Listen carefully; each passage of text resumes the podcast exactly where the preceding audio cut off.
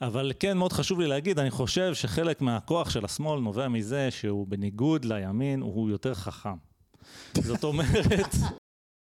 בוא תחבר אותנו. איפה זה הפך. מהקשקוש המקושקש על המטה-נרטיב לזה? אני בדרך לזה. אוקיי, טוב שעצרת אותי, כי הייתי ממשיך לקשקש בלי סוף, שזה מה שפוסט-מודרניזם עושה לך. טוב. אז היה לי חשוב לעמוד על ההבדל הזה, אוקיי? יש כן. משהו בשמאל שהוא יותר נכון, הוא יותר חכם. אני חושב שזו הסיבה גם שהוא שרד במבחן הזמן.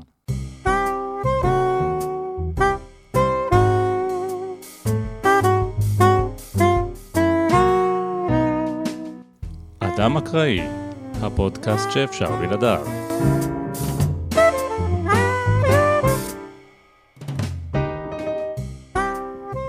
מה שאתם עומדים לשמוע זו התוכנית הראשונה מתוך מספר תוכניות שעוסקות במלחמת התרבות באמריקה. אמריקה עוברת עשור משמעותי מבחינת התפיסה שלה את עצמה. בהיסטוריה האמריקאית יש מדי פעם עשורים כאלה. יש את ה-Great Awakening מאמצע המאה ה-18 וגם אה, עוד עשור כזה על סף המאה ה-19 ויש כמובן את שנות ה-60 הידועות של המאה ה-20 ונדמה לי שהיום אנחנו בעיצומה של תקופה כזו שבה יש שינוי תרבותי שעוד לא ברור איך הוא ייגמר. זה נושא ענק וגם אם נעשה 100 תוכניות לא נוכל לכסות את כל ההיבטים שלו. כך שמה שלא נגיד, התמונה תהיה מוגבלת ולא שלמה, ואין מה לעשות נגד זה, אז אנחנו מתנצלים. הסיבה שזה חשוב היא כמובן שמדובר בארצות הברית, שמובילה את העולם. קל מאוד לראות את ההשפעה של האירועים האלה בכל ה, אה, מה שנקרא האנגלוספירה, בריטניה, אוסטרליה, ניו זילנד אה, וקנדה, אני מקווה שלא שכחתי אף מדינה. ויש כמובן גם אה, חלקים חשובים של ישראל שהם מאוד מושפעים מהאמריקאים. ההקלטות הן ארוכות ולכן השתדלתי לחתוך אותן לחלקים שיותר סביר לעכל, כך שהתוכנית הראשונה היא יותר מעין הקדמה עם קצת רקע, והתיאור של תכלס מה האירועים שקרו בשבע שנים האחרונות ואיך זה אולי מתקשר להקדמה, מתחיל בתוכנית השנייה. מי שאוהב לשמוע דברים לפי הסדר, ישמע לפי הסדר, ומי שלא משנה לו, אז אתם ילדים גדולים ותעשו מה שבא לכם. כמובן, תעשו את הלייק, ה share וה subscribe, תיתנו לנו חמישה כוכבים ב Apple Podcast, ותכתבו לנו, יש לנו מייל וטוויטר שמופיעים בתיאור הטקסטואלי של הפודקאסט ושל הפרקים. וזהו, בואו נתחיל.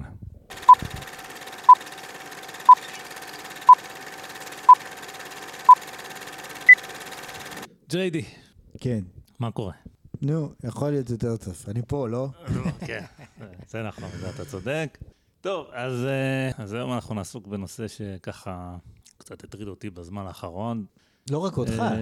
לא רק אותי, כן, לא רק אותי. אתה למעשה אחד האנשים שזה ממש הכי פחות השפיע על העולם, זה שזה הטריד אותו, כי התוצאות של הבחירות האחרונות אה, בארצות הברית, במחוזות השונים, הראו שהנושא הזה הפריע להרבה מאוד אנשים. אתה מדבר על עכשיו, מה שהיה ממש עכשיו. כן, כן. בווירג'יניה, כן. כן. אוקיי. אז טוב, לא טוב שאתה מעלה את זה. כן. כן, אז בוא, אולי תגיד למה אתה מתייחס, וככה you'll segue us, מה שנקרא, לתוך הנושא אה, העיקרי. בבחירות האחרונות בווירג'יניה, זה נחשבת סטייט של אה, דמוקרטים באופן מסורתי, כן. אה, האמת שבהקשר הזה יותר מעניין אפילו מה שהיה בניו ג'רזי.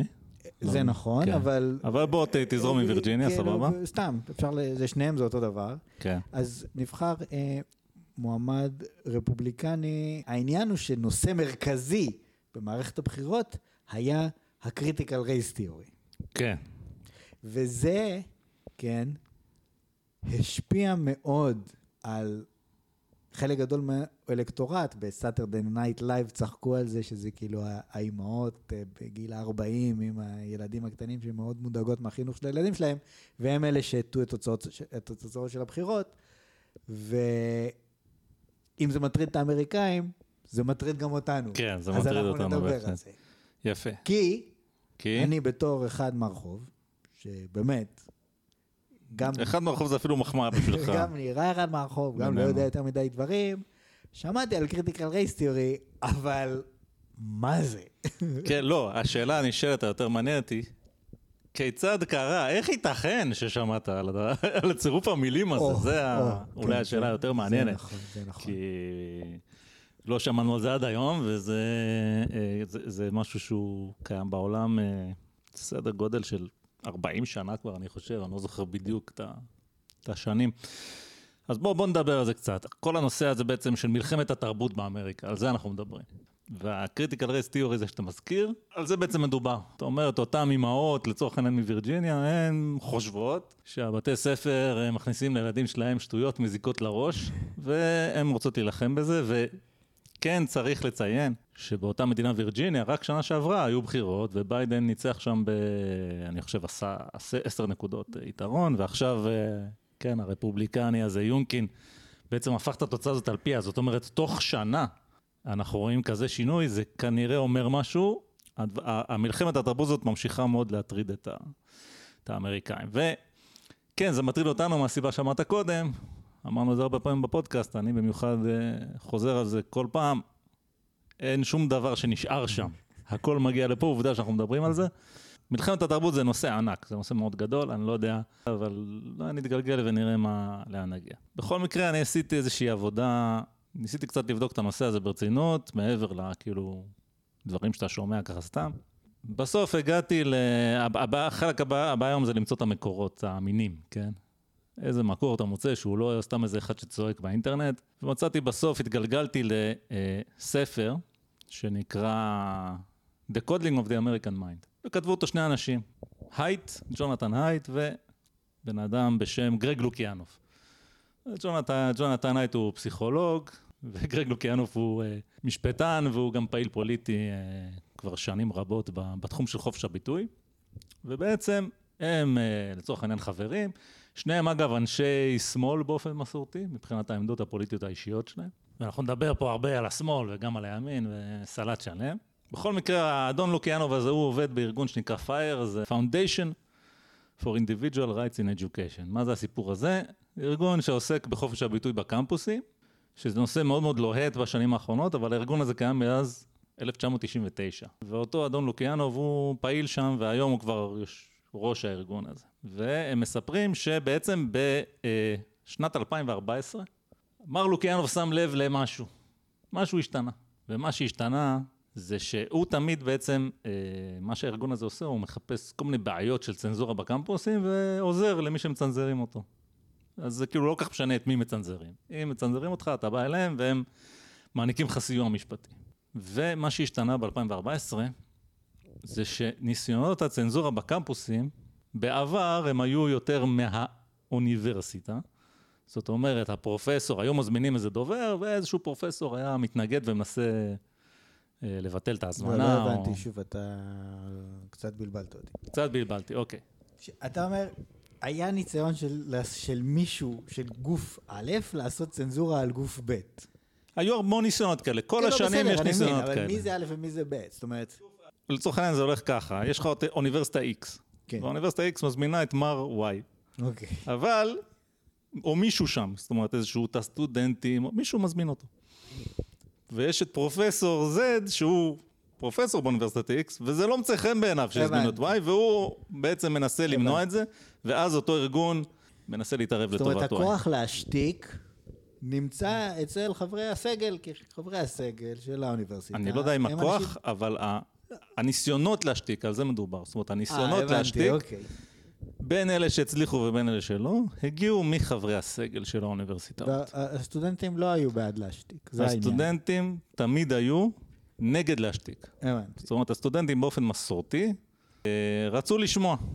שאתה יודע, זה קצת מתאים לאיזה תפיסה של אנשים צעירים, כאתה יודע, אנשים שהם open minded ו- ו- ורוצים להכיר הכל ולדעת הכל. אז זה היה עד 2014, ואז ב-2014, פתאום האנשים שבאו לבקש ממנו סיוע, בעצם מי שניסה לצנזר אותם זה הסטודנטים עצמם. זאת אומרת, עברנו למצב, במקום שהמבוגרים כאילו מנסים להשתיק מבוגרים אחרים, פתאום הילדים האלה, הם רוצים להשתיק. whoever it is, כן? נכון, כן. אז, אז בעצם אתה אומר שהמצב היום, שמבחינתנו נראה לנו אה, טבעי וטריוויאלי.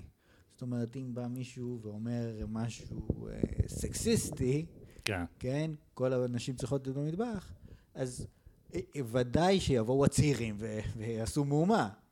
ככה דברים עובדים.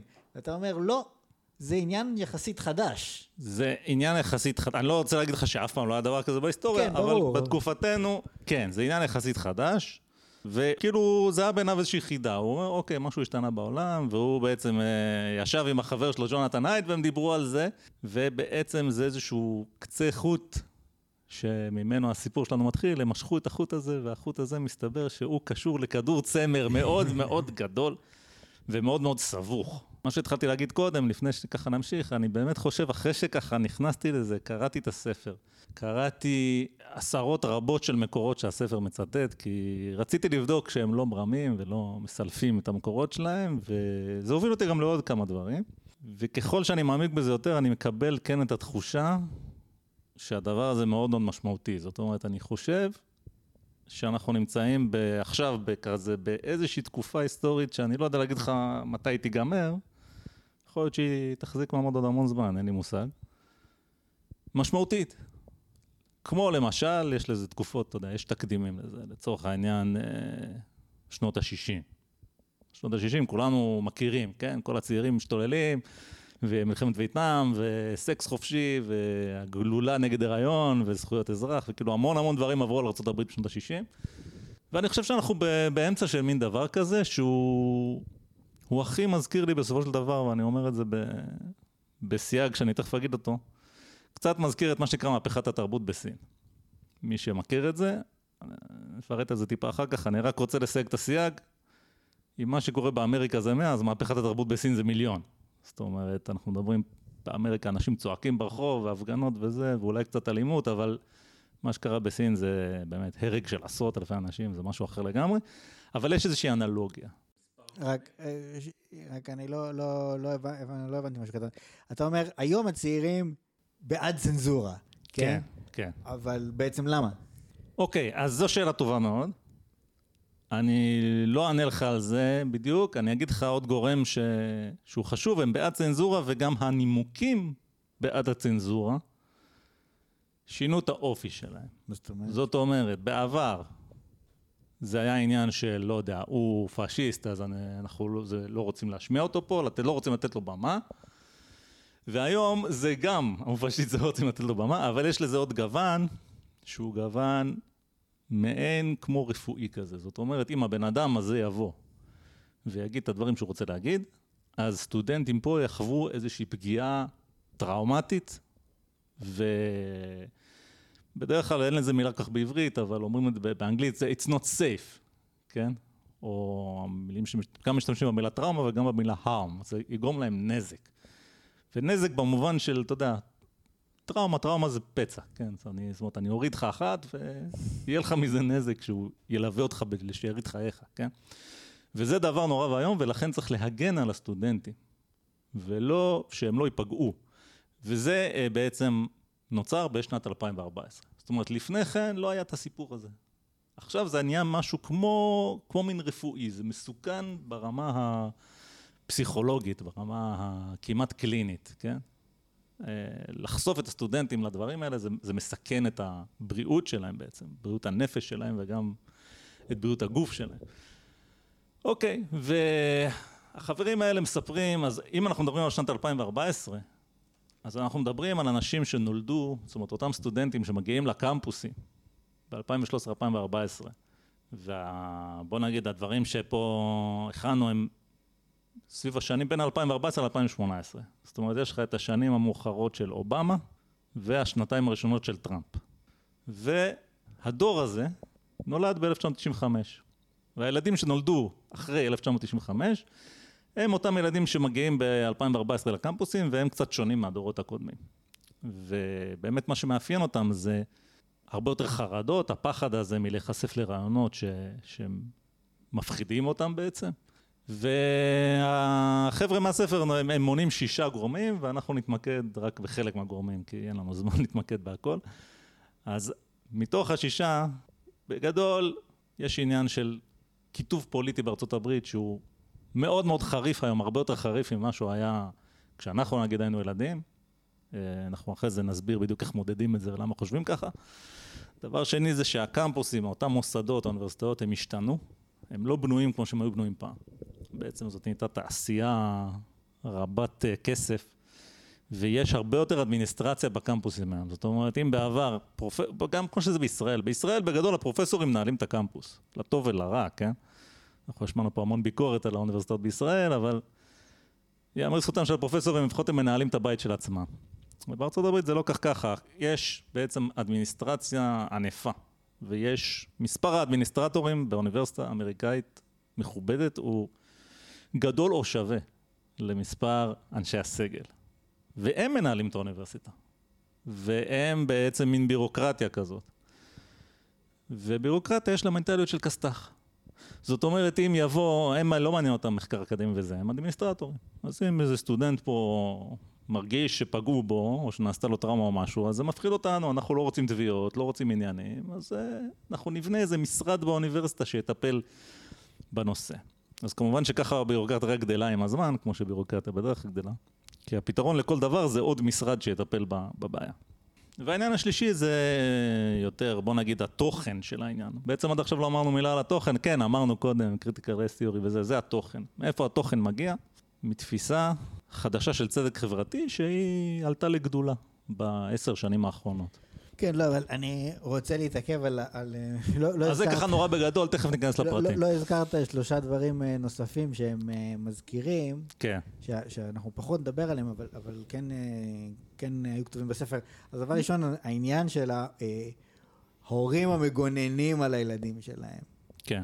שאני מחבר את זה גם לדעיכת המשחק החופשי, שזה תופעה שהיא כאילו מאוד מאוד מאוד מאוד בולטת, בטח אה, עם הכניסה של הסמארטפונים והנושא של הרשתות הח, אה, החברתיות, שאנחנו לא מומחים ולא מבינים בזה, אבל יש לזה, יכול להיות איזשהו קשר לאיזושהי העצמה של כל מיני בעיות נפשיות שיש לבני נוער, או שלא, אנחנו לא מבינים. כן, בוא נגיד אבל... שמבחינת הרישום של הדברים, כאילו לדור הצעיר הזה יש הרבה יותר בעיות נפשיות מלדורות קודמים. נכון, אבל... בין אם זה אמיתי ובין אם זה עניין של רישום יתר, בדיוק, לא יודע. בדיוק, בדיוק. אבל, אבל הנושא, שני הנושאים האחרים, הנושא של ה, או הילדים המגונ, שמגוננים עליהם והעניין של המשחק החופשי, זה עניין שהוא מאוד מאוד בולט, בטח לי כהורה, שאני, אתה יודע, בתור ילד, אני זוכר, אה, הייתי... אתה דוגמה קצת קיצונית, כן?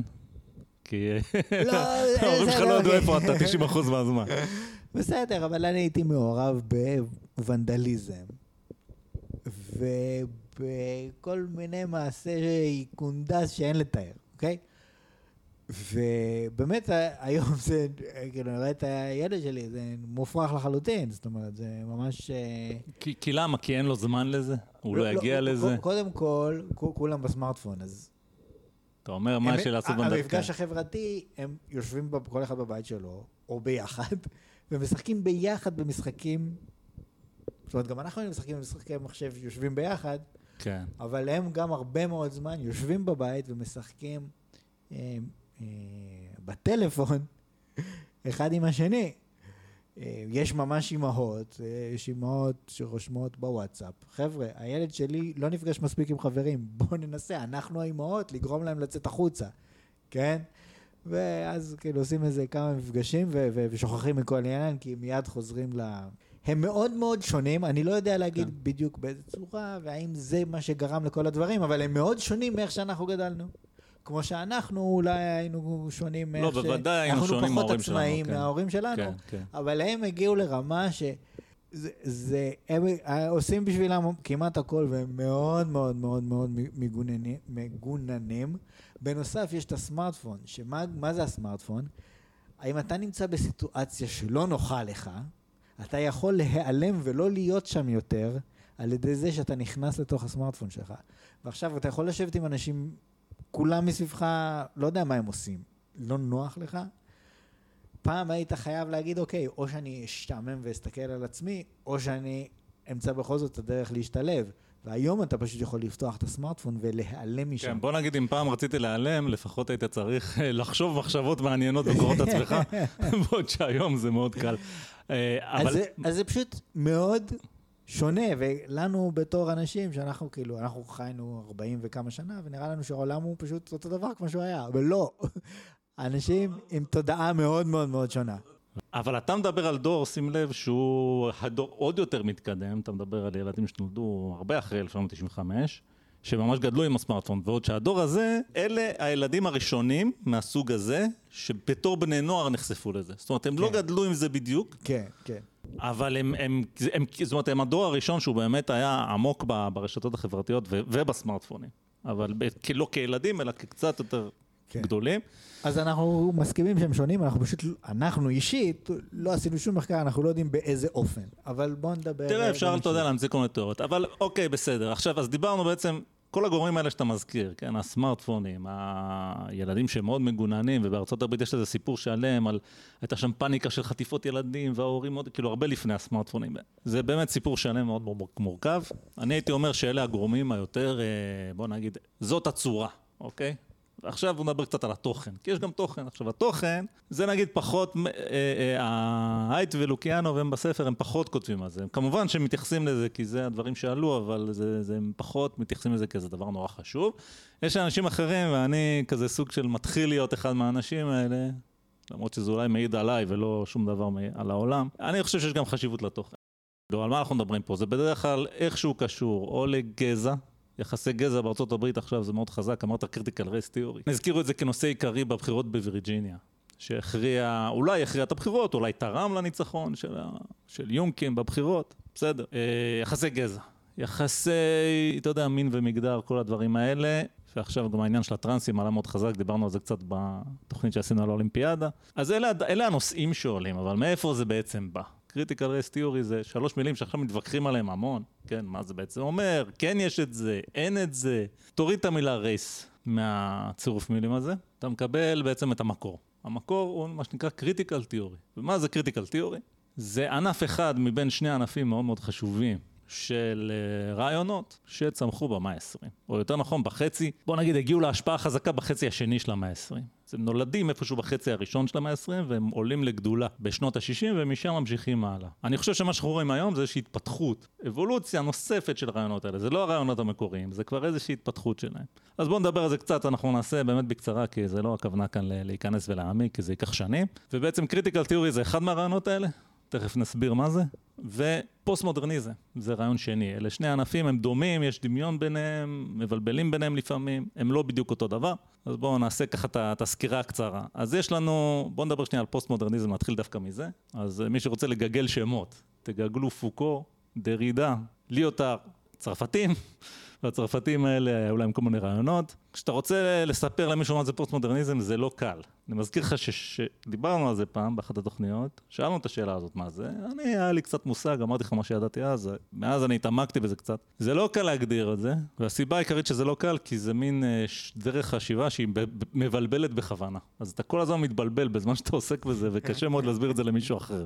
כמה שאתה לומד על זה יותר, זה יותר מבלבל אותך. אז בגדול, הפוסט-מודרניזם הוא לא אומר שום דבר, הוא בעיקר אומר מה לא. זאת אומרת, הוא מאתגר את מה שבא לפניו. מה שבא לפניו זה, אה, אתה יודע, מה שהרבה אנשים אולי חושבים היום, מחזיקים כאיזשהו, בטח זה מה שאנחנו גדלנו איתו.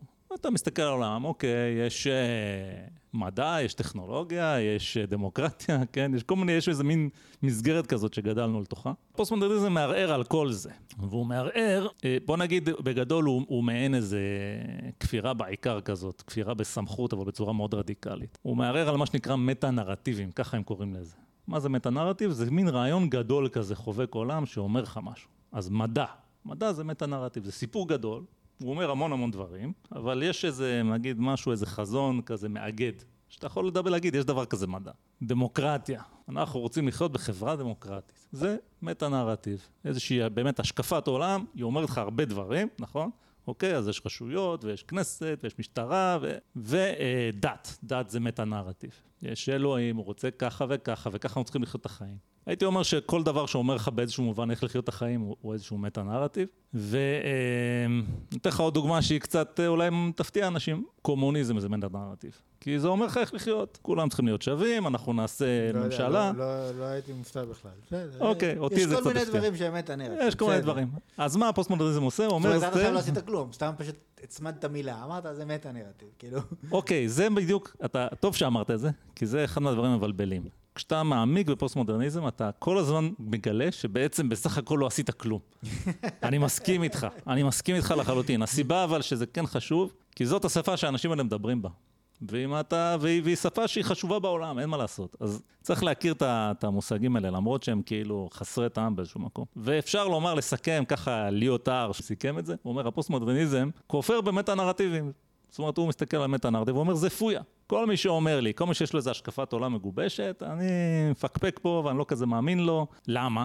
זה, זה מתחיל מאיזושהי, אתה יודע, התפלספות על משמעות של שפה. איך אתה, אתה יודע, יש את הפילוסופים תמיד אומרים, איך אני יכול לדעת מה המשמעות של דברים בעולם, כל השטויות האלה. איפשהו, ב- אני לא יודע להגיד לך בדיוק את השנים, אני חושב שזה איפשהו שנות ה-40, מתפתחת איזושהי גישה ששמה לב, כן, יש כאילו את דסוסיר, ויש את ויטקנשטיין, דסוסיר הלך בכיוון חיובי, אחרי זה זה, זה התהפך עליו, שמנסים להבין את הקשר בין השפה למציאות. איך השפה מתארת המציאות? כי אנחנו חושבים בעזרת שפה, כן? והמחשבה יוצרת מציאות, שזה מין עיקרון פוסט-מודרני ידוע, אה, בא מתוך זה.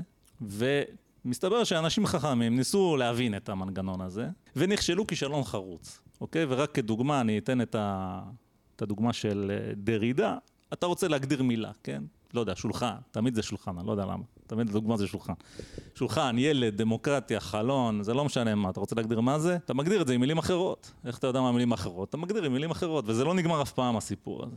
זאת אומרת, כל, לא משנה איזה טקסט, על איזה טקסט אתה מסתכל, הוא רק מקבל את המשמעות שלו מטקסטים אחרים מסביב, וחוזר חלילה. זאת אומרת, יש פה איזה טיעון מעגלי כזה, ואין על מה לסמוך. זאת אומרת, הדבר היחיד שמגדיר מילים זה עוד מילים. אז יש פה איזה בעיה ש...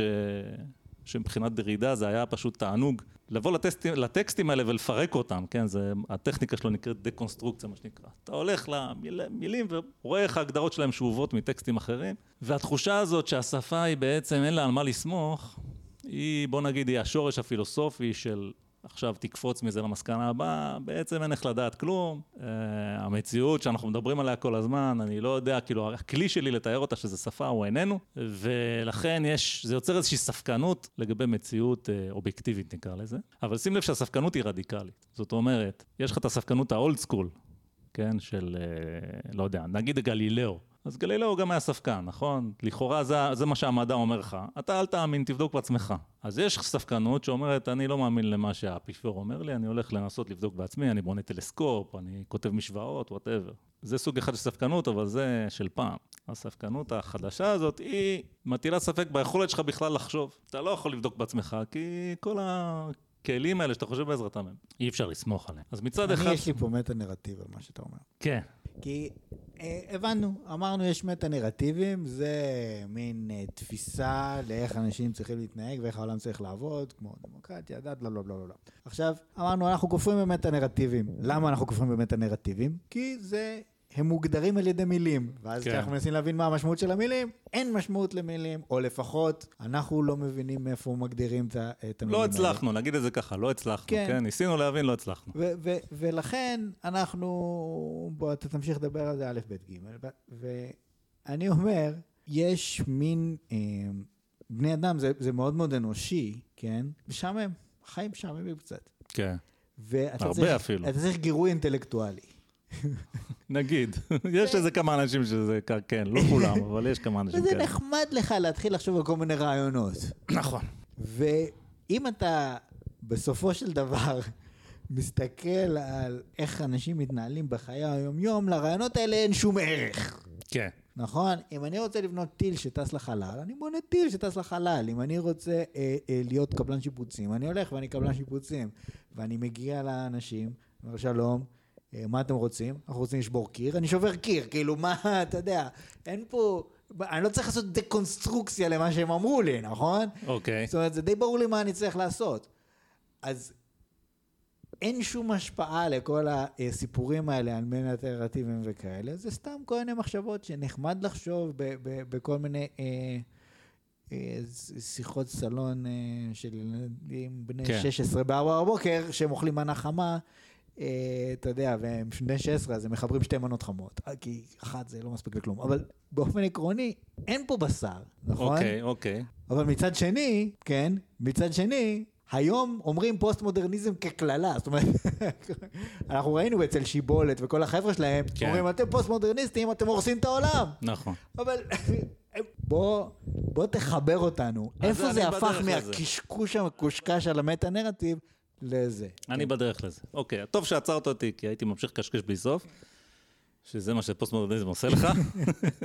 טוב שעצרת אותי. אוקיי, אתה בעצם צודק. זאת אומרת, כל ההתפלספויות האלה, אני רק אזכיר עוד התפלספות קטנה, כי זה חשוב. אמרתי דרידה, אני אגיד עכשיו פוקו. יש עניין של איך בכל זאת זה עובד. זאת אומרת, אם אין שום תוקף לכלום, כן? אבל העובדה שבחיים יש תוקף לדברים. כמו שאמרת, אני שובר קיר, אני whatever, אני יוצא למלחמה, כן? אני משלם כסף על דברים, כל מיני דברים אנחנו עושים. ואנחנו חיים בתוך המטה-נרטיבים האלה. ומה שקורה לתיאוריה הזאת, מהספק הרדיקלי כאילו, אם אתה לוקח אותו ברצינות, ברור שרוב האנשים לא יודעים על זה כלום, ואם הם ישמעו את זה הם יפסלו את זה על הסף ובצדק, אבל אותם אנשים שהם קצת נוטים לאינטלקטואליזם, למרבה הצער, קח את זה עד הסוף, מה יקרה לך בעצם? לאן זה יוביל אותך? והתשובה היא כזאת, הסיבה היחידה ש... אה, לא יודע, המטה-נרטיב שנקרא מדינה דמוקרטית הוא שריר וקיים בעולם, זה כי יש לו יותר כוח מלמטה-נרטיבים אחרים. או, זאת אומרת, אתה נהיה, וזה חשוב, המילה הזאת היא מילה מאוד חשובה, אתה מספקן רדיקלי אתה הופך להיות אדם ציני, כי אתה אומר, אין שום סיבה זה יהיה ככה. זה רק בגלל שלדבר הזה יש כוח, ולכן הוא הצליח להשתלט על האחרים. ואתה זה נכון? די מהר, כן, זה נכון, אבל הציניות גורמת לך להגיד לא, כי אתה אומר, שים לב להבדל, יש פה דקות. בן אדם כמוני וכמוך, אנחנו נגיד, תראה, זה עובד, כן? זאת אומרת, המדינות הדמוקרטיות, תראה אותן, נראות. הן נראות לא רע, הן נראות לא רע, אל תיגע, זה עובד. הם יגידו לך, לא. זאת אומרת, אתה, אתה לא ספקן רדיקלי מספיק. אתה כאילו חי באיזה עולם שיש משהו שעובד, משהו שלא עובד, תהיה יותר רדיקלי מזה. ותבין שאין שום מש, משמעות למילה עובד, כן? אני יודע שיש, אבל נגיד שאין. ואז באמת אתה, אתה מגיע למקום הזה שבעצם מישהו פה השתלט על העולם, שזה לצורך העניין המדינה הדמוקרטית הזאת, ואין שום הצדקה לזה, ולכן זה לא בסדר. ועכשיו, אני גם, שוב, מסתכל על זה בצורה צינית, ואני אומר, כל הדמוקרטיה הזאת שמוכרים לי, זה האינטרס שלהם למכור לי את זה, כי הם שולטים, בגלל זה. אנחנו שומעים המון המון את זה בקורונה, כן, סביב, זה, מין הלך חשיבה כזה שכן נכנס לאנשים, כן, אה, המדענים אומרים לי משהו, בואו נלך עם זה למטה-נרטיבים האחרים, יש מדע. אבל אמרנו, אין, את ה... אין שום הצדקה לכלום, אז הם, למה הם אומרים לי את זה? אין להם הצדקה. הם אומרים לי את זה כי זה האינטרס שלהם להגיד לי את זה. המדענים זה אומרים. ככה, זה עכשיו, האינטרס. עכשיו הבהרת. כי מה אתה אומר? מה אתה אומר ועוד, בעצם? וסליחה רק שאני זה, הרבנים אומרים לי זה אינטרס, הפוליטיקאים אומרים לי זה אינטרס, הפרופסורים אומרים לי זה אינטרס, כולם אינטרס, אוקיי? המעסיקים הכי חשוב, כן? כי יש פה עניין של קפיטליזם שתכף נגיע אליו. ביל גייטס אומר לי משהו, ה, ה, ה, לא יודע מה, הסטארט-אפ הזה מצליח, הכל אינטרסים. ובעצם אתה נהיה, אתה נהיה ציני, וזה, זה, מכאן הכוח של זה בעולם נובע, כן? אמרת מה הקשקוש הפילוסופי הזה עושה? זה מה שהוא עושה, ונראה יפה לאן הוא מאוד, יתפתח. לא, זה מדהים. אני חושב, כן, שממש, 42 שנה אני חי, ועד היום, שמעתי אנשים מדברים והכל, ולא הבנתי את זה, אבל אתה צודק, אותם פילוסופים שיושבים בגדל השן ומדברים על כל הדברים האלה, על דקונסטרוקציות, כן. הם זהים לחלוטין לאותו בן אדם, פלוני אלמוני מחולון, שבא ואומר, בואנה, הממשלה הזאת כולם גנבים. זאת אומרת, זה אותו דבר. זה בעצם אותו דבר. יש להם אינטרס, הם רוצים לדפוק אותנו, אני לא מאמין למילה שלהם. כן. הם אומרים דקונסטרוקציה, הוא אומר, זה פשוט בא מאיזושהי תחושה פנימית, כן, שאתה מבין את יחסי הכוחות, אתה כולה איזה עלה נידף בעולם, והם כאילו המדינה, אתה תעשה משהו, הם יתחילו, יבואו הוצאה לפועל ויקחו לך את המקרר מהבית. כן. אז ברור שכאילו עובדים עליך, כי אתה אין לך את הכוח ולהם יש. מה אנשים עושים עם כוח? עובדים על אנשים אחרים. אז בסופו של דבר, כשאתה בא ואתה אמר, ואתה אומר, אותו איש, פלוני אלמוני מחולון או בת ים או באר שבע או תל אביב, לא משנה. לא משנה כלום לשום דבר המחשבה שלו. כי בסופו של דבר זה כולה סתם איזה אחד, ויבואו ויקחו לו את המקרר מהבית, אם הוא לא יעשה, אז הוא עושה מה שצריך. אבל ברגע שאתה עוטף את זה בעטיפה אינטלקטואלית, כן. אתה יכול להביא לצד שלך את אותם אנשים שיש להם כסף, ויש להם uh, קשרים לאנשים אחרים עם כסף, שזה הסוג האנשים הכי מסוכן, והם הולכים לאוניברסיטאות העילית בארצות הברית בעקבות אלה. ועכשיו, אחרי שיש לך אותם, באמת אפשר לעשות משהו. כן, וטוב, אז זה נקודות מאוד נכונות מה שאמרת. תכף ככה נפרט את זה אפילו יותר. בואו שנייה נעשה את נחתה קלה, אמרנו, צפקנות רדיקלית שמובילה לציניות מצד אחד. נקודה שנייה, הסתכלות על השפה. השפה זה עניין קריטי פה. השפה היא הכלי שבונה ידע. ידע זה כוח, אוקיי? זה פוקו. ידע זה כוח במובן הזה, פוקו, שוב, אנחנו קיצוניים. לא ידע זה כוח כי אני יודע שחמט יותר טוב ממך, אז אני אנצח אותך. ידע זה כוח כי אני בכלל מגדיר מה זה ידע, כן? זאת אומרת, זה פוקו, זה הדיסקורסים, זה נקרא, המילה שיח, כשאומרים בישראל, השיח הפוליטי, מי שאומר את זה לא מבין מה שהוא אומר.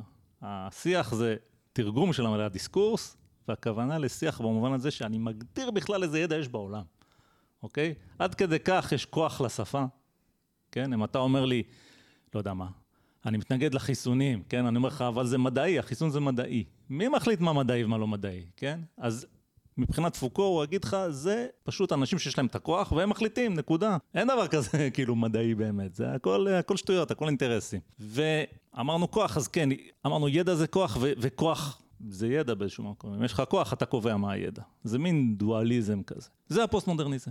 יופי. עכשיו בוא שנייה נעבור לענף השני פה, שהוא, שהוא מאוד מאוד חשוב. וזה הענף שנקרא Critical Theory, שהזכרנו אותו קודם, ואם אתה שם Race באמצע, אז אתה מקבל את האייטם החדשותי הכי לוהט אה, בווירג'יניה, כן? טוב, מה זה הסיפור הזה? אז יש uh, סדרת ספרים שאני ממליץ עליה, שנקראת uh, מבוא קצר מאוד. מי שרוצה, אתה רוצה ללמוד, לא יודע, מה זה אבולוציה? אין לך זמן, נכון? אבל אתה קצת אינטלקטואל, אתה רוצה, מאיזושהי סיבה, אז אתה קונה ספר כזה, מבוא קצר מאוד, 100 עמוד, ומסבירים לך כאילו, אתה יודע, במה שאפשר ב-100 עמוד, שיהיה לך איזשהו מושג. אז אני, כדי לדעת מה זה critical theory, הלכתי למקור הזה. critical theory, לא critical race theory, לא critical. זה אוקיי, זה חשוב. כולם שמעו critical, כאילו מי שמתעניין בארצות הברית, כי בארץ זה עוד לא, עוד לא הגיע עדיין, critical race theory, תמחק את המילה race, זה לא משנה. critical theory. critical theory זה אה, אה, גם משהו שנולד בתחילת המאה ה-20 והגיע לאיזשהו שיא של התפתחות בשנות ה-60. המקור של זה, זה מה אמרנו קודם, פוקו, דרידה, ליוטר, עכשיו יש לנו עוד אה, כמה שמות, מקס הורקהיימר, תיאודור אדורנו והרברט מרקוזה. ואלה אנשים שיש עוד שמות, זה לא רק השלושה האלה, בסדר? יש אנשים שהם מה שנקרא מרכיבים את אסכולת פרנקפורט. מה זה אסכולת פרנקפורט? זה חברה של אינטלקטואלים, הרבה מהם יהודים אגב, מהשמאל, אנשי שמאל. אינטלקטואלים, שנות ה... זה מתחיל בשנות היותר צעירים, שנות ה-20, והם, כן, היותר, אה, סליחה, יותר אה, זקנים, ומרקוזה מהיותר צעירים, והם בעצם אה, קומוניסטים כאלה, שחיים בשנות ה-20, וזה מתחיל מזה שהם הם מאוד מאוכזבים. אז קודם כל צריך לזכור, אלה אנשים שבעצם ראו את הנאצים. הם גרמנים, או מאירופה איפשהו, אני לא, לא נכנסתי לביוגרפיות של כולם, יהודים, הם מתחילים לפלוט בשנות ה-20, הם קצת אה, אה, לא מבינים בעצם, אה, זאת אומרת ברית המועצות התחילה, והם כאילו מרקסיסטים, אבל משהו לא מסתדר, זה לא מספיק טוב, לא יודע מה, הם קצת לא מבינים, למשל, למה המהפכה המרקסיסטית קרתה ברוסיה ולא בגרמניה. זה נגד התיאוריה, כן, המרקסיסטית. זה היה אמור להיות בגרמניה או במדינה מתועסת אחרת, בריטניה, משהו. רוסיה זה המדינה הכי נחשלת באזור, זה לא היה אמור לקרות שם. אז משהו בתיאוריה של מרקס לא בסדר, ומתחילים ככה לדוש בזה. אה, והנאציזם עולה, ובעצם, עכשיו גם נזכור, זה אחרי מלחמת העולם הראשונה, שזה טראומה נוראית, כן, זה כאילו כל התרבות האירופאית, עם כל הפאר שלה, מה שהיא עושה זה לרצוח את עצמה.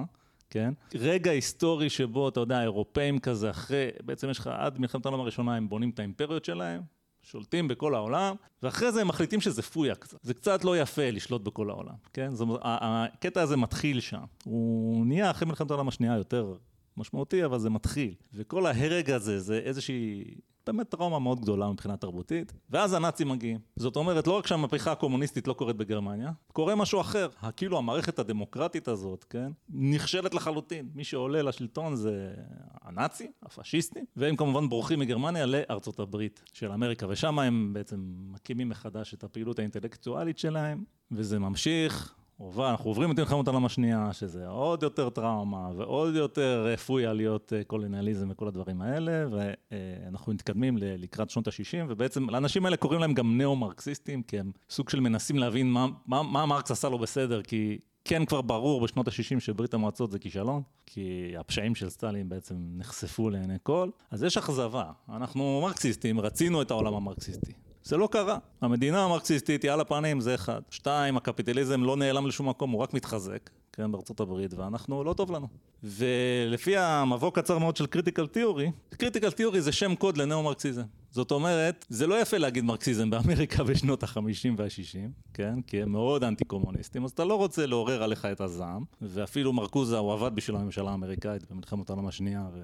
וכו', אז המציאו איזה שם קוד כזה. אגב, לא שמעתי שום תיקוף לטענה הזאת, חוץ מהמקור הזה, זה מקור מכובד, אז אני כן מזכיר את זה.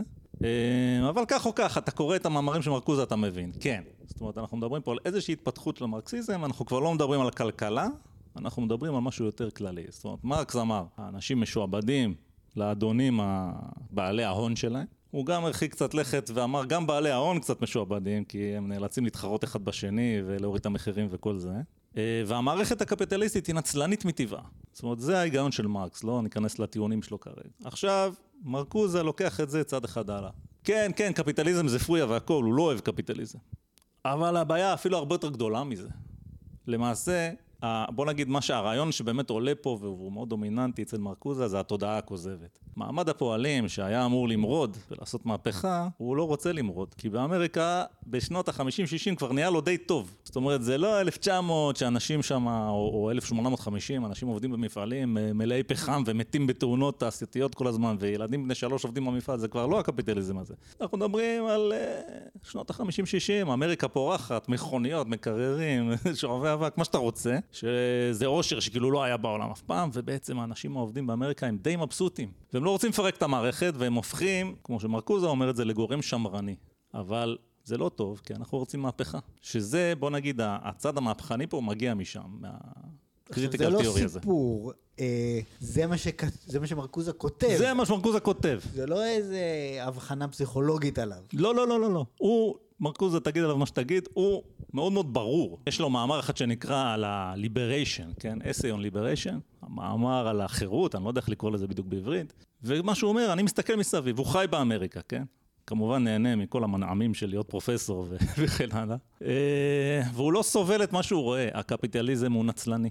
ואמרנו, מעמד הפועלים, הישועה לא תבוא מעמד הפועלים. ואנשים לא מבינים את זה כי יש להם תודעה כוזבת. זאת אומרת, הקפיטליזם הוא כל כך, הוא, הוא נחשי, הוא כל כך נכלולי, הוא גורם לך לחשוב שטוב לך, אתה לא מבין שלא טוב לך, כן? אם היית מבין, אז היית מצטרף למרקוזה, אבל אתה לא מבין את זה, כי אתה בן אדם רגיל, בניגוד לאנשים כמו מרקוזה, שהם אנשים שראו את האור. ולכן אתה לא מבין את זה, וזה נורא מתסכל. עכשיו, מה בעצם השחרור, מה הליבריישן הזה שמרקוזה רוצה? אז בסופו של דבר, וזה גם נכון לגבי מרקס, הוא רוצה לא לעבוד. זאת אומרת, הוא חושב שהעבודה היא, היא משעבדת בפני עצמה. עצם זה שצריך לעבוד זה משעבד. עכשיו, מרקוזה מבחינתו, שהוא מסתכל מסביב ורואה את כל הטכנולוגיה המתקדמת, כן? וכל הפריחה הכלכלית הזאת, הוא מגיע למסקנה, אתה לפעמים שומעים את זה גם היום. יש מספיק ידע טכנולוגי כדי שיהיה מספיק לכולם. זה יש מספיק לכולם. אז למה יש עניים ולמה יש אנשים עם בעיות? כי המערכת לא מאפשרת לאוטופיה הזאת לבוא. זאת אומרת, הוא מאמין, יש לנו את כל היכולת להשיג את האוטופיה. יש לנו מכוניות ומטוסים ומה שאתם רוצים יש לנו. כן, כמובן ש... אם הוא היה מסתכל על העולם היום ורואה איזה טכנולוגיות יש היום, בכלל היה מתפלץ. כבר לא צריך לחשוב, יש לך מחשב שחושב במקומך. אבל האוטופיה לא מגיעה למרות שהיא יכולה. ולמה היא לא מגיעה? ופה נכנס גם אותו מומנט פוסט-מודרני שאמרנו, וגם ב critical theory זה אותו דבר. כי האינטרסים, המערכת השלטת, רוצה להמשיך להיות שלטת. והיא לא מוכנה לפנות את המקום לאוטופיה שזה יותר טוב לכולם, כי למה לה? יש לה אינטרס להמשיך להתקיים, כן? אוקיי. ובעצם השגשוג מסביב הוא הבעיה באיזשהו מקום. ומאיפה תבוא המהפכה? הוא שואל את עצמו והוא עונה. המהפכה תבוא מאותם אנשים שלא טוב להם, הרי הפועלים לא רוצים למרוד כי טוב להם. למי לא טוב? לכל מיני אנשים שלא כל כך מסתדרים באמריקה של שנות החמישים. אז שחורים, הומואים, נשים, כל מיני אנשים שכן, החברה היא לא מאפשרת להם אולי לעשות, להגיע לכל הפוטנציאל שלהם אה, באותה תקופה ו... כמובן שאנשים טוענים את זה גם היום, ואלה אנשים שכאילו לא טוב להם. אז משם תבוא המהפכה, והיא תבוא מעוד מקום, כי צריך גם אינטלקט. ומרקוזה הוא בשנות ה-60, הוא רואה בעצם סוג של מהפכת תרבות שקורית סביבו, כן? אמרנו שנות ה-60. אז הוא אומר, המהפכה תבוא בעצם מהאנשים האלה שהם הנדכאים והחלכאים של החברה הנוכחית, ומסטודנטים אינטלקטואלים מהמעמד הבינוני, שזה כל האלה שהולכים לוודסטוק, כי הם בעצם מבינים. הם יכולים לצאת מהתודעה הכוזבת ולעשות את ה... להבין שצריך לעשות את המהפכה ולהנהיג את ה... בוא נגיד את המין פרולטריון 2.0, כן, שהוא המציא שם, ולעשות את המהפכה. אז, והוא כן ב-essay on liberation הוא מסתכל על סין, באותה תקופה זה מהפכת התרבות בסין, מי שלא יודע מה זה מהפכת התרבות אז תקראו על זה, זה אירוע זוועתי שאנחנו טיפה נזכיר אותו, אבל הוא לא יודע את כל מה שקורה שם, אז מבחינתו זה דבר חיובי, הוא מניח שבעצם מה שהוא רואה קורה בסין. כן? כי המערב הוא מזעזע, כן? אז ברור שבסין, ששם יש את הקומוניזם הטוב של מאו, אז אה, קורים דברים טובים. ויש נקודה מאוד מעניינת שהוא אומר, שאני חושב שהיא גאונית, באמת גאונית, והוא אומר ככה, כשיש מהפכה, אתה רוצה להגיד, המהפכה הזאת הייתה רצינית או לא? אז הוא אומר, יש דרך, יש מין מטריקה שהוא מציע. תסתכל על שינויי השפה. אם כל מיני מילים שינו את המשמעות שלהם, אז זה מהפכה רצינית. וחזרנו כאן לנקודה של השפה ככלי מרכזי. וכתבתי פה דוגמה אחת, שאתה יודע, דיברנו על עבודה. עבודה, נגיד, כשאנחנו גדלנו גם בישראל, נגיד, שכזה מדינה חצי סוציאליסטית, כשהיא התחילה, יש את העניין הזה של הפועל העברי, העבודה, לגאל את העבודה, וזה, העבודה זה דבר מאוד חיובי. לגאול את האדמה. לגאול את האדמה, כן, סליחה. עבודה עברית, כן? זה, בהקשר ההיסטורי הזה, זה באמת עבודה זה דבר מכובד, גם אנחנו די מכבדים אנשים שעובדים, אבל uh, זה לא תמיד היה ככה, זאת אומרת, אם אתה מסתכל על איזה המלך לואי, לעבוד זה הדבר הכי בזוי שיש, מי עובד? האיכרים, האיכרים עובדים בשדות, זה התפקיד שלהם. כל האנשים ששווים משהו לא עובדים, הם או המלך, או האבירים של המלך, או שהם כמרים. או קצת אנשי אקדמיה ש, שיש, כן? אלה האנשים הבאמת שווים, והם כמובן לא עובדים, למה שהם יעבדו? מי שעובד זה כל הבזויים ו- ו- והמסכנים. אז הנה לך אה, באמת מהפכה שהייתה בעולם, היה פאודואליזם כזה, אין אותו יותר. ועבודה נחשבת דבר מכובד היום, היא לא נחשבת דבר בזוי, כן? כל עבודה מכבדת בעליה, ככה אומרים, נכון? לא חשוב שזה לא, לאו דווקא תמיד קורה. האם יש לזה זאת אומרת, אתה, דיברנו על שני הדברים, על הפוסט-מודרניזם כן, אפשר, זה, בוא נגיד כאן סוף הקטע האינטלקטואלי. לא, כן? רגע, רגע. אני חושב שזה היה סופר מעניין, אני לא פעם ראשונה שאני שומע את זה, וזה עדיין היה נורא מעניין. אבל האם, אתה מבחינתך אומר, זה שני דברים נפרדים באיזשהו אופן. זאת אומרת, יש לך פוסט-מודרניזם, זה דבר אחד. כענפים של... זאת אומרת, יש כן. להם... יש דברים שהם משותפים, אבל בעיקרון זה דברים שהם שונים. זאת אומרת, מדובר פה על מרקסיזם, או הנאו-מרקסיזם הזה, whatever. זאת אומרת, אם מרקס אמר, המהפכה תקרה במדינות התעשייתיות, כי היא חייבת לקרות שם. כן. ובנאו-מרקסיזם הוא אומר, טוב, אני לא רואה שהמהפכה תבוא, אבל היא צריכה לבוא, לכן נביא אותה בכוח. משהו כזה. משהו כזה, כן. פוסט-מודרניזם זה משהו אחר, דקונסטרוקציות. נכון. מילים. אז, נכון. אוקיי. עכשיו, לגבי המאמר הזה של מרקוזה, כל הדברים האלה שאתה אומר, אוקיי? מהמאמר של מרקוזה, חשוב להדגיש שהם ממש כתובים שם. כן. כשאתה בא ואתה מסתכל על אותו אה, בן אדם שנמצא בארצות הברית, הוא בא ואומר, יש תרבות גזענית וצריך לשנות את הממסד מהיסוד כדי לטפל בדבר הזה. כן. למה? כי מה לעשות, חבר שלו, מישהו מהשכונה, נורה על ידי שוטר למרות שהוא היה חף מפשע, אז הוא מתעצבן. ראינו בישראל, סלומון טקה. כן. שעכשיו, בא היריב מהצד השני של המצרס האידיאולוגי כביכול, ואומר, רגע, רגע, רגע, רגע. הוא אומר לכם שיש לו בעיה עם זה שהרגו את חבר שלו סתם. לא. הוא מדבר על איחוד מאבקים של מרקוזה כדי להפוך את כולנו למרקסיסטים. זאת אומרת, מרקוזה ממש כתב את זה. אתה מדבר על אותו בן אדם שמתלונן על גזענות, הוא לא כתב את זה בשום מקום. נכון. נכון? הוא לא כתב את זה. אתה בא ומאשים אותו, כאילו, אתה טוען את זה כנגדו, יכול להיות שאתה צודק. כן. כן? יכול להיות שאתה צודק. אבל זה מין איזושהי קפיצה לוגית כזאת. אבל הקפיצה הלוגית היא לא מופרכת. לא, אני, אני בוא אני אדייק לך את זה, אוקיי? הנקודה אוקיי. שאתה אומר היא מאוד נכונה, אוקיי? אז אני אגיד לך את זה בשתי דרכים. בוא נדבר על סלומון טקה. אני לא מבין בזה, אני לא אולי יודע. אולי זה טקה, סליחה, אני טקה. לא יודע. כן, סליחה, גם אני מתנצל אם הבאתי את השם. אני לא יודע, אין לי קשרים עם הקהילה האתיופית בארץ, אין לי, אין לי מושג מה הם חושבים. אז אני כאדם שאין לו מושג, אגיד לך איך, אני, איך להסתכל על זה כדי להבדיל, אני לא אומר שזה נכון, אני עושה איתך איזשהו תרגיל, אוקיי? אז התרגיל הוא כזה, לצורך העניין תחשוב על אה, אותו סלומון טקה, נשמע לי יותר טוב, אני אגיד טקה. Okay. אוקיי. אה, אותו סלומון טקה, שנהרג אה, על ידי שוטר משמר הגבול, אם אני לא טועה, באיזה תקרית, ואחרי זה באמת יצא הזעם. ונטענו טענות של גזענות, כן? על ידי האתיופים. וזה נורא הגיוני, אוקיי? זאת אומרת, בן אדם פה נהרג, וכנראה שהאתיופים חווים כל מיני הטרדות עם שוטרים וכל מיני בעיות, ואין לי ספק שיש גזענות אה, נגד אתיופים במדינה הזאת. וכן, יצא הזעם. אוקיי. וזה, שים לב, נורא הגיוני, וכמו שאתה אמרת, מנותק לחלוטין מהפריימוורק האינטלקטואלי הזה שאני הצגתי של מרקוזה. ואני חושב שבארצות הברית באיזשהו מקום גם, זאת אומרת, אם אני עכשיו אה, ככה מאלתר, אולי אני טועה, אבל אני חושב שאם אתה מסתכל אחורה על, היו תקריות בעבר. זאת אומרת, היה את רודני קינג, היה, היו דברים.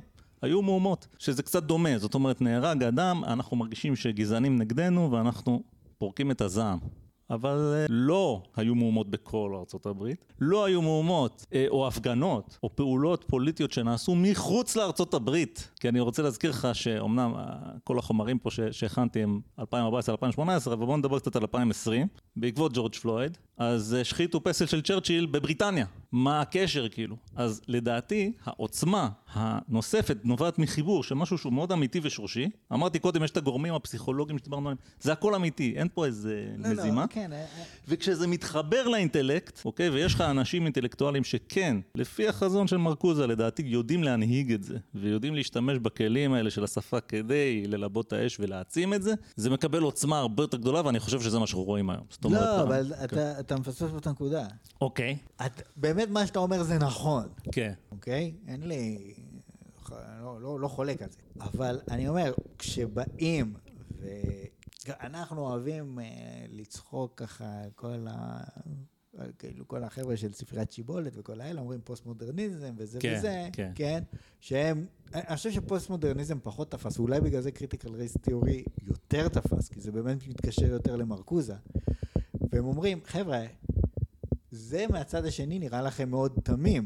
ואולי באמת האנשים הרגילים הם באמת תמימים, אבל מי שמנהיג את הסיפור הזה הוא לא תמים, כן. והוא מכוון למשהו מאוד ספציפי.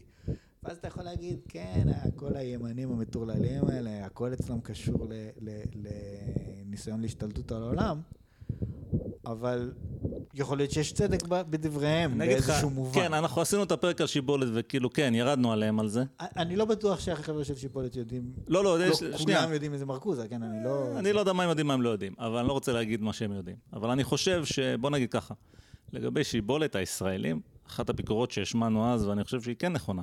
אוקיי, בוא נגיד שהכל נכון. הפוסט-מודרניזם והמרקסיסטים וזה. למה אתה מביא את זה לפה? תעזוב את זה.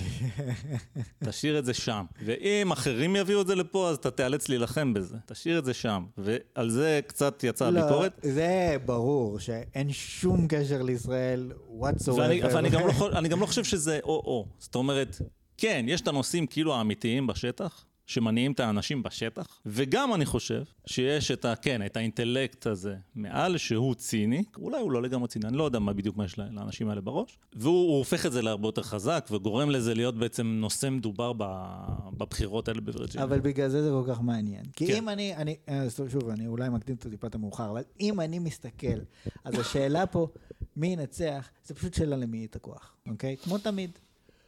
וזה נראה על פניו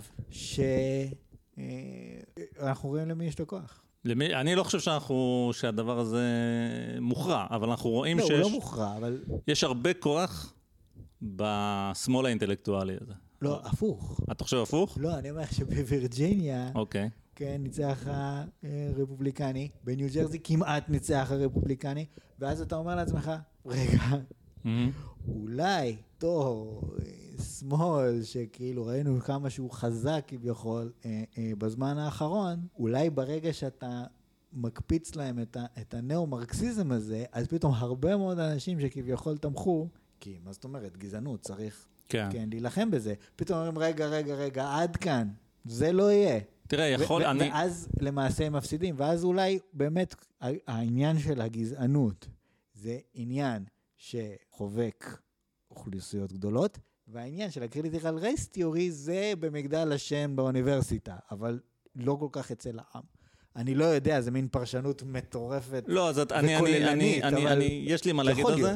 אני חושב שזה יתבהר יותר כשניכנס קצת למקרים ש, שככה אספנו פה. אני אגיד לך שאני חושב שיש בעצם כוח, אני אתקן את עצמי קודם, יש כוח בשני הצדדים. זאת אומרת, יש כוח לא פרופורציונלי באיזשהו מקום. קצת תחשוב על, על המהפכה הבולשביקית, זה שלושה אנשים שכאילו משתלטים על רוסיה, כן? אתה יודע, מיעוט מאורגן, מיעוט מאורגן הוא חזק. הרוב הוא לא מאורגן, ככה זה. אז אני חושב שמה שאתה רואה זה בעצם, כן, האינטלקט השמאלני הזה הוא רב עוצמה. זה אין ספק, בגלל שהוא משפיע, כל האוניברסיטאות בכיס שלו. זה נכון, אבל לא אצלנו. בישראל אתה מתכוון? כן.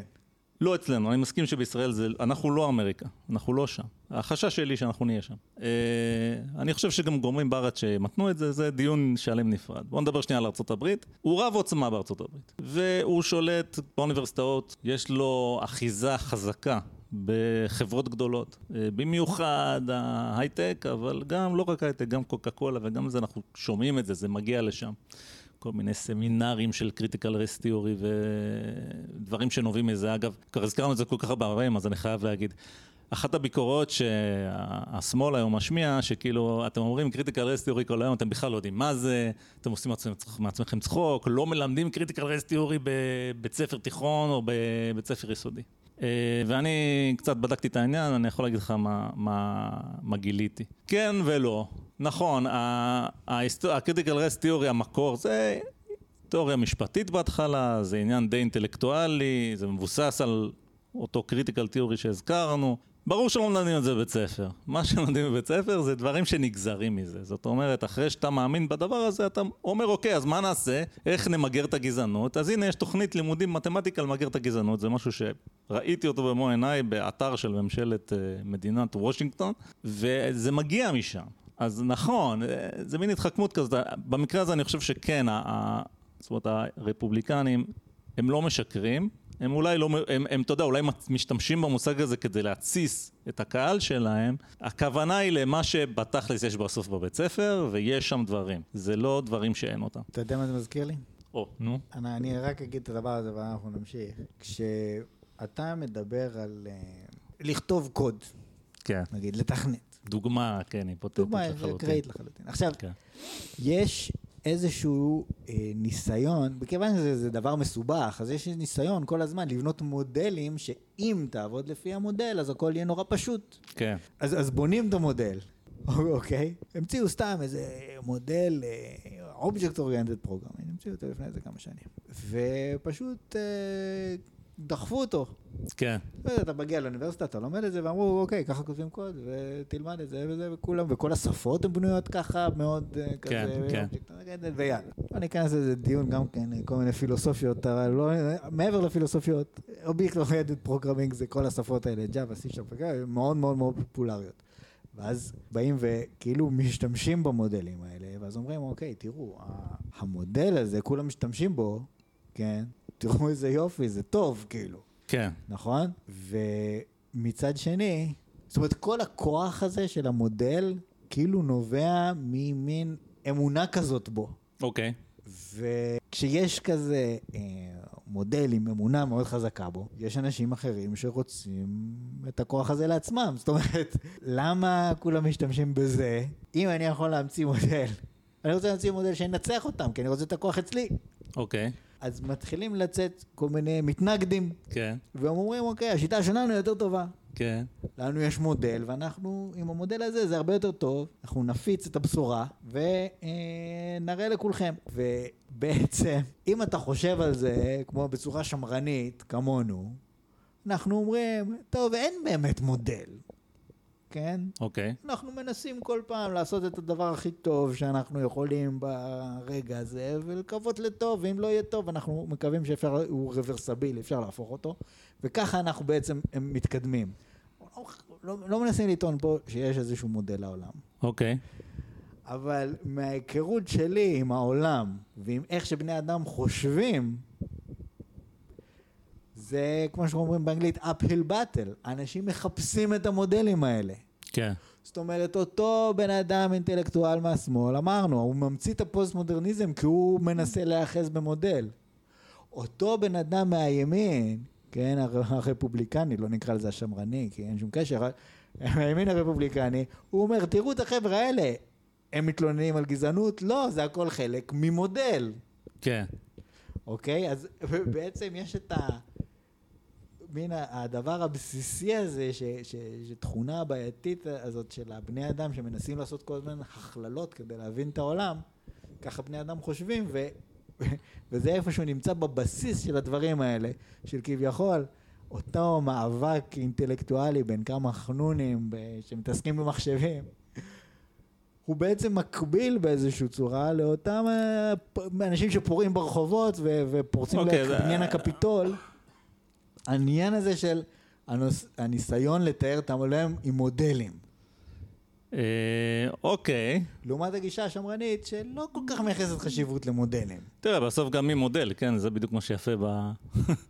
נכון, אבל בגישה שמרנית אין כל כך בעיה עם סתירות. נכון, גם זה מודל. אז מה? בוא נתקדם. יפה. אז בוא אני אגיד לך שלי להגיד מה שאמרת. כן, נתת דוגמה מעניינת שאפשר, אה, אני רציתי כבר קצת להתקדם מהקטע האינטלקטואלי עליו, אבל אתה החזרת אותי. אוקיי, אז באיזשהו מקום, רק כדי ככה, אני, אני אעזר בדוגמאות שלך כדי ככה לסבר את האוזן עוד יותר. אוקיי, פתחת ואמרת, יש את העניין הזה של ה-Object Oriented, זה איזשהו מין אה, שיטה, תורה, לצורך העניין נקרא לזה, שהשתלטה על העולם, ואחר כך הגדלת לעשות, ואמרת, רגע, אנשים אחרים בעולם התכנות הם כאילו מבואסים, הם רוצים להיות אלה שקובעים, אז הם ממציאים מודלים חדשים. זה, חביבי, אתה, כל הכבוד לך, אתה בעצם המצאת את ה-Critical Code Theory. למה? כי אני לא חושב שזה מה שקרה. זאת אומרת, מה שאני חושב שקרה בעולם התכנות, זה באמת אנשים עבדו עם הרעיונות האלה. באיזשהו שלב, הם ראו שזה לפעמים מוביל אותם לתוצאות לא טובות, ואז הם המציאו רעיון, נסו באמת בגישה הפוזיטיבית הזאת שאתה אומר, בוא נמציא משהו, ננסה להמציא דרך אחרת, אוקיי? ויש מודלים אחרים של תכנות. אני מסכים. תכנות. אוקיי, אבל... אני הגזמתי קצת, הגזמתי. לא, מה שאתה עשית, בי. אמרתי, בכוונה קראתי לזה ה-critical code theory, כי המילה critical פירושה, הפירושה האמיתי, לא מה שאומרים. זה נשמע כאילו חשיבה ביקורתית, לא, זה חשיבה צינית, וזה בדיוק מה שאתה הפגנת.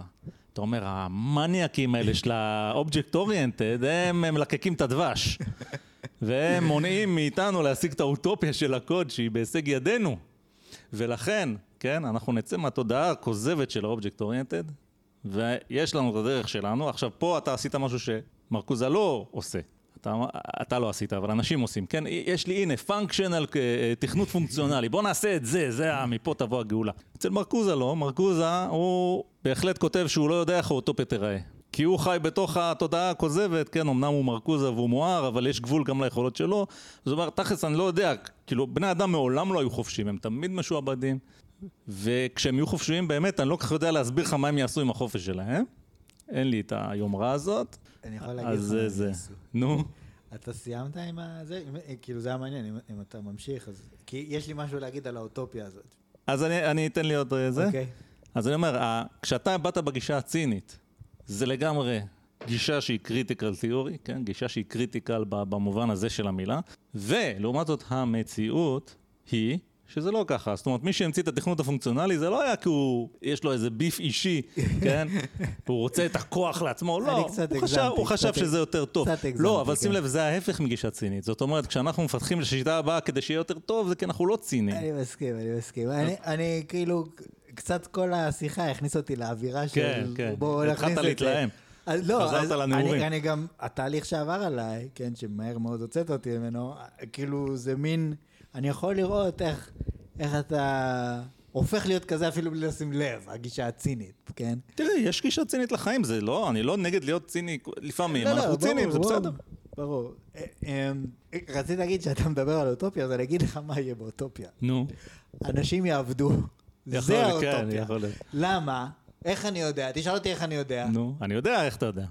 כי זה מה שקרה בפועל. כי זה מה שקרה בפועל. נכון. אז אתה, אז אתה, אז אתה יודע מה יעשו באוטופיה. מרקוזה לא ידע, אוקיי? כי הוא היה בן אדם נורא חכם, אבל לא חכם כמוך. אוקיי, אז בוא נמשיך קצת הלאה. אז אוקיי, דיברנו, אני רוצה באמת לצאת מהקטע הזה, כי אנחנו כבר שעה מדברים על זה. אה, טוב, אולי עוד רק דבר אחד, שאני חייב להגיד, כי אמרנו, יש לנו את ה critical theory בצד אחד, יש לנו את הפוסט מודרניזם בצד שני, ובאיזשהו מקום, השילוב שלהם, ה critical theory יש לו מוטיבציה. הוא אומר, העולם חרא, צריך לשנות אותו מהיסוד. הפוסט-מודרניזם אין לו מוטיבציה. הוא בעצם מוביל אותך לשום מקום. אני לא יודע כלום, אי אפשר לדעת כלום, yada yada yada, אז נורא נחמד, כן? והחיבור של הדברים האלה, הכלים של הפוסט-מודרניזם, מבחינת האנליזה שלו של שפה, הפירוק שלו של הכל, ביחד עם המוטיבציה הזאת לשנות את העולם, זה פגז. וזה בעצם הדבר ש... בוא נגיד, אני חושב שמתגבש לו איפשהו בשנות התשעים, והופך להיות ההתחלה של הצונאמי הזה שאתה, שאתה רואה עכשיו. עכשיו, אז בואו קצת ניכנס לתכלס, איזה דברים קורים. אנחנו מדברים כבר שעות ולא אמרנו שום דבר קונקרטי שקרה. שעה כולה. כן, אמרתי שעה. אה, ורק עוד נקודה אחת לפני זה. טוב, אז כן, כן, בוא נגיד את העוד נקודה הזאת. בוא נדבר שנייה על ימין קיצוני ושמאל קיצוני. כן. אז אנחנו הרבה פעמים, אנחנו יורדים פה על השמאל בתוכניות, וגם היום, זה מה שאנחנו הולכים לעשות בגדול. למרות שלא רק, אבל כן, מאוד חשוב לי להגיד, אני חושב שחלק מהכוח של השמאל נובע מזה שהוא בניגוד לימין, הוא יותר חכם. זאת אומרת, אני מדבר על הקיצוניים, ואנחנו בסדר? ימנים, כן? לא, אני מדבר על, על הקיצוניים, אני לא מדבר על אנשים רגילים, שזה, מדבר איתך על, קח את ה... מה זה השמאל הקיצוני? מרקסיסטי, אוקיי. וכאלה, ואנרכיסטים, וזה שמאל קיצוני. וימין קיצוני זה פשיסטים, ולאומנים כאלה, כן? עכשיו הפשיסטים, בואו נדבר, בואו בוא נלך לפשיסטים הרציניים, בואו נלך לנאצים. הנאציזם הוא מטומטם לחלוטין. זאת אומרת, אם אתה מסתכל על מה, מה, מה זה בעצם, כן? זה מין, אה, אוקיי, לא יודע, היהודים הם גזע נחות, צריך להשמיד אותם, והסלאבים הם גזע נחות, צריך לשעבד אותם, ואנחנו הגזע העליון, אנחנו הכי טובים. זה טוב, זה פשוט לא נכון, זה הכל. קשקוש בלבוש, קודם כל, טוב. אה, הסתבר בסוף ש... גרמניה, כן? הם טובים, אני לא אומר שהם לא טובים, אבל זה לא בגלל שהם הגזע העליון. זה מסיבות אחרות, וחוץ מזה יש עוד טובים, וגם בסוף קרקפו אותם. אה, כולל ובמיוחד אותם רוסים שהם כל כך בזו להם. אז אה, אני אומר, זה, זה קשקוש בתחת. זאת אומרת, בסופו של דבר, הטענות האלה על איזה תואר הגזע ודברים כאלה, זה מגוחך, ואין כמעט היום אנשים שמתארים את עצמם ככאלה. זאת אומרת, אם יש לך... היום בארצות הברית פוליטיקאים שלא מתביישים לקרוא לעצמם סוציאליסטים, או סוציאל דה משהו, כן? אין אף אחד שקורא לעצמו פשיסט. אף אחד. אפילו לא, וזה חשוב, טראמפ, שהוא לא מתבייש להגיד כלום. ולמה זה, לדעתי? כי כמו שאמרתי, הרעיונות, הפשיזם הזה הוא באמת מטופש, אפילו קשה להסביר בדיוק מה זה, הפשיזם האיטלקי, מה זה בעצם? לא יודע, אנחנו נראה להם, זה פחות או יותר מה שזה. כאילו, כן, כולנו ביחד חזקים ונעשה בבלאגן. כאילו, באמת, קראתי על זה ואני באמת מסכם לך את זה, ככה זה. שורה תחתונה, עזוב את כל השטויות שאומרים. אמ, והגרמני זה, תכניס לזה את הגזענות ואת השנאה הזאת, כן? ותסתכל על, לא יודע, הדגל הנאצי מבחינתי, כשאני מסתכל עליו, אני רואה פשוט משהו שכועס עליי. ככה, זה מה שאני רואה, כן? זה כאילו, האדום הזה והזה. ככה מרגיש לי. עכשיו, השמאל הוא לא כזה מטומטם. השמאל הוא חכם. ואגב, זה ידוע, שמאלנים אומרים את זה הרבה, וזה נכון לדעתי, ששמאלנים בממוצע הם משכילים יותר. אה, ואולי גם הם חכמים יותר באיזשהו מקום. באיזה קטע אינטלקטואלי כזה. עכשיו, כשהשמאל, הדברים שהוא יוצא נגדם, מה, מה אתה רוצה להגיד? מטה-נרטיב. מי שיש לו את הכוח מגדיר מי חכם. סבבה, בסדר, דחוף זה לתחת. עכשיו, אה, הדברים שהם יוצאים נגדם, אם אתה אומר, אני שמאלן, אז אני נגד גזענות. סבבה, נכון? כאילו, אין לי משהו רע להגיד על זה. אני בעד שוויון, גם סבבה, הכל טוב. זאת אומרת, הערכים הבסיסיים שהם יוצאים איתם, הם טובים והם הם לא מטומטמים בכלל. זה עובר איזושהי פרוורסיה, זאת אומרת, בסוף כשאנחנו מתנגדים לשמאל, זה בגלל שאנחנו אומרים, זה, אתם אומרים את זה, אבל זה לא באמת מה שקורה בסוף, כן? זה, זה הולך למקום אחר, ומפה באה הביקורת. אבל אפשר למה? לומר, אני מסכים עם כל מה שראינו. עם כל מה שראינו איפה. עם כל מה ש... סליחה. כל מה שאנחנו רואים, כי זה כתוב, אבל כן. כל מה שדיברנו. אה, בסופו של דבר, אין לי בעיה עם אף אחד מהרעיונות האלה. נכון, נכון. הקפיטליזם הוא נצלני. אוקיי, אני לא בטוח, אוקיי. אבל בסדר. יכול. להיות. אה, זאת אומרת, מה זה הקפיטליזם? כל הזמן אנחנו אומרים קפיטליזם, ואחרי זה להתחיל, בוא נפשפש בהגדרות מה זה קפיטליזם. עזוב, זה שיש את אה, ביל גייטס עם טון הכסף, על ידי זה שהוא הפך את עצמו למונופול בכל מיני דרכים נכלוליות, ויש לו מלא מלא עובדים, כולל, לא יודע מה, יש לו גם מנקים במשרדים של מייקרוסופט שמקבלים כן. גרושים, והוא מקבל מלא כסף. כן? זה נצלני באיזשהו מובן. זה לא העניין. כאילו, גם, זאת אומרת, גם אם אני חושב שזה, מה שמשנה זה איזה פעולות אני חושב שצריך לבצע כדי לעשות שינוי. כן, כן, אני, אני מסכים איתך אוקיי, לגמרי. אוקיי. אז, אז היה לי חשוב לעמוד על ההבדל הזה, אוקיי? יש כן. משהו בשמאל שהוא יותר נכון, הוא יותר חכם.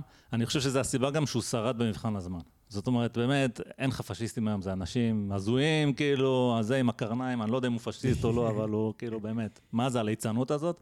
ולעומת זאת, המומנטים השמאליים, אמרתי, הם רבי עוצמה. הם לא איזה ליצן שעומד בקפיטול ומטאטאים אותו משם, כאילו, בסופו של כאילו, אני לא רוצה לזלזל בזה, כי זה היה מעשה מאוד חמור, אבל מצד שני, באו החיילים והעיפו אותם משם, וזהו, ונגמר הסיפור. אז, ואנחנו גם נדבר פה על פשיסטים באמריקה, יש כאילו על מה להגיד עליהם, אבל באמת, אני חושב שהעוצמה שלהם היא כאין וכאפס, אה, לעומת העוצמה של הצד השני, ו- ולא בלי סיבה טובה. עד כאן החלק הראשון של הבלבול מוח של האמריקאים, ולאן זה הולך ולמה זה רלוונטי, ואיזה הפתעות ציפו למרצים בקמפוסים החל משנת 2014, מוזמנים ומוזמנות להאזין לחלק מספר 2.